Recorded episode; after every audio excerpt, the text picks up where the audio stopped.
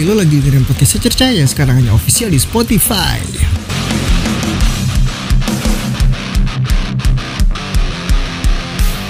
Kita bakal bahas hal-hal menarik di sini, so terus pantengin aja.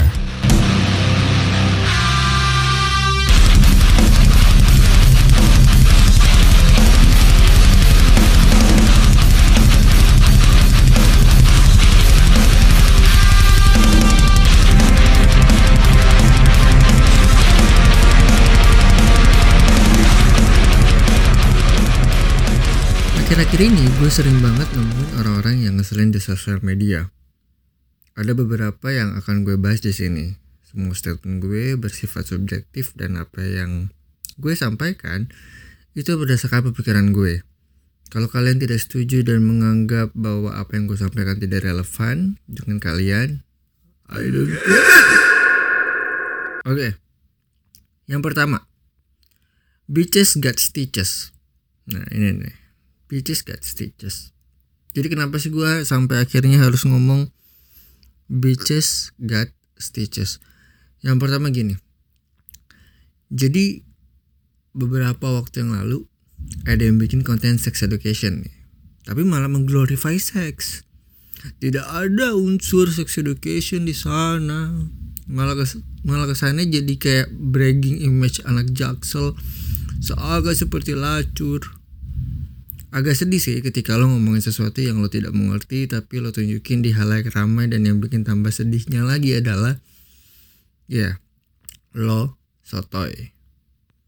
Kasihan ya maksudnya ya gimana ya kalau gue bilang tuh ya kasihan aja. Tapi gue nggak bisa salahin anak-anak ini gitu loh.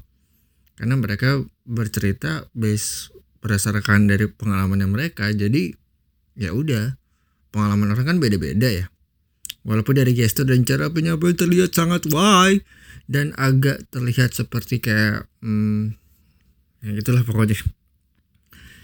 Cuman ya udah itu pengalaman mereka. Kita nggak bisa menghakimi masa lalu orang karena kita nggak tahu masa lalunya seperti apa. Yang gue sayangkan adalah kenapa kalian gunakan term sex education.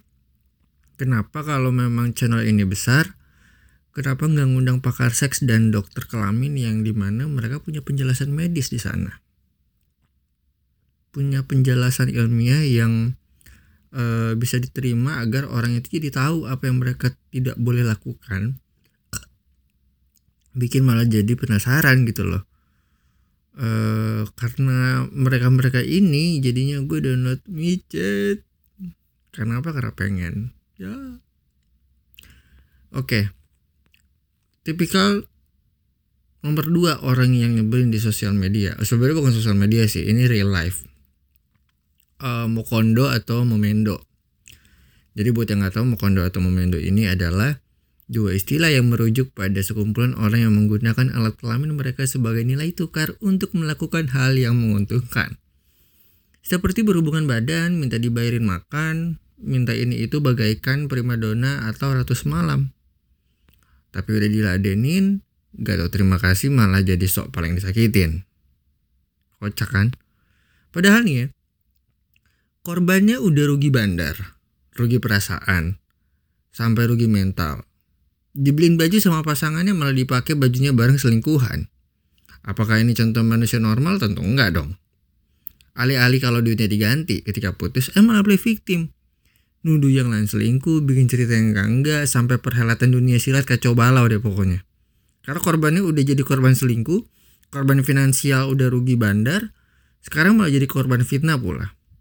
Emang orang-orang yang si model ini tuh harus sedikit dikasih jab kanan atau hook kiri biar sadar gitu loh, biar kedua kelopak mata dan sama pelipisnya tuh kebuka gitu.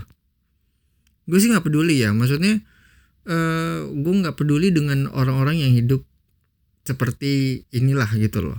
Ya udah lo mau kondo ya udah stop di sana. Nggak usah play victim nggak usah fitnah nggak usah gaslighting. Lu kok bahasa gue gaslighting ya? Parahnya lagi lo ngancurin hidup orang tapi lo merasa lo yang paling hancur. Lo tau makan tai kan? Iya lo MAA KAKN makan tai berak gitu loh. Seenggaknya nih ya kalau emang lo selingkuh sadar diri aja dan apa ya ya lo cari cara lah gitu buat ga- ganti duitnya. Nggak usah sampai ditagih sama orangnya kali. Atau kalau emang belum atau nggak bisa ganti setidaknya jangan aktif sosmed dulu biar orang tuh nggak jadi tanda tanya. Lu jangan ke sana sini bisa tapi bayar utang? Tidak! Gitu makanya gue bilang nih orang. Biasanya sih ya ini kalau kita ngomongin utang nih biasanya sih yang ditagih itu yang lebih galak daripada yang nagih gitu. Biasanya gitu. Itu yang terjadi biasanya di negara bagian Senegal tuh. Karena gue tahu orang Indo nggak mungkin gitu. Orang Indo mah kalau ngutang pasti selalu bayar gitu loh nggak pernah telat. Orang Indo tuh. Sekarang gue memposisikan diri gue sebagai cowoknya lah ya kan atau mokondonya ya gue tahu perasaan lo hancur gitu loh gue sangat mengerti eh, perasaan lo seperti apa. Gue tahu lo kehilangan. Iya jelas. Kehilangan ATM berjalan lo jadi paham gue kenapa lo hancur tuh gue paham. Gue ngerti bahwa duit akan mengalahkan fisik pada akhirnya. Jadi ya udah nggak kaget aja. Semoga lo nggak kena gonorea atau HIV yang karena ya gitu deh pokoknya karena lo cocol sana cocol sini gitu loh. Dan semoga ya lo nggak semoga lah gitu kan udah nggak usah dilanjutin lah pokoknya masuk ke poin yang ketiga King and Queen of the Heartbroken Scene. Ini kalau nggak tahu kalimat ini gue ambil dari lagunya Five SOS, gue lupa deh judul lagunya apaan. She's kinda hot, ya yeah, she's kinda kalau nggak salah. ini tai sih. Statement mengenai tidak bisa buka hati. Gue kenal beberapa orang yang bisa memposisikan kata takut buka hati. Contohnya kayak gini nih. Kayak misalkan uh, gue punya ini ini real ya. Gue punya beberapa teman dan kakak-kakak perempuan gue dan beberapa kakak laki gue yang akhirnya gagal menikah. Itu pas tuh lo bilang lo takut buka hati karena uh, pasti lo hancur karena lo gagal menikah. Itu masuk akal itu jelas dan konkret nyata gitu loh. Atau yang kedua uh, lo takut buka hati karena mantan lo abusive misalkan. Bisa aja mantan lo itu suka main tangan suka mukul gitu atau melecehkan lo dengan verbal sampai akhirnya di apa namanya di badan lo setelah di visum ternyata ada bukti-bukti bekas kekerasan gitu loh. Atau mental lo drop karena kalimat pasangan lo yang bikin lo down. Itu nggak masalah deh. Lo diampuni karena lo bisa pakai term takut buka hati. Intinya karena lo trauma. Karena akan apa ya karena akan hal-hal yang mengerikan dalam hubungan lo gitu loh. Akan tetapi ketika lo putus baik-baik aja atau amit-amit lo putus nggak jelas terjebak dalam hubungan yang toksik tapi yang nggak toksik kayak poin nomor dua ya. Intinya hubungan lo masih wajar lah. Terus lo takut buka hati gitu. Menurut gue lo sama kayak pocong takut pocong aja sih. Gini gini. Uh, gue tahu karena contohnya gak jelas karena ya udah kata emang gak jelas. Takut buta buka hati di hubungan yang baik-baik saja tuh menurut gue kayak what the fuck banget gitu loh. Hubungan lo nggak toksik tapi lo putusnya baik-baik gitu kan. Tapi lo tiba-tiba trauma seakan-akan lo gila banget hubungannya deh. Udah kayak top tier dah tuh hubungan lo. Terus lo bilang lo takut buka hati makan tai lo berak anjing. Nggak nggak masuk akal sumpah. Itu itu sumpah nggak masuk akal banget. Semua orang patah hati nggak cuma lo doang gitu loh. Lo cuma 2% sakit dan hancurnya ketimbang yang gagal nikah atau yang hubungannya abusive. Lo bebe aja kok.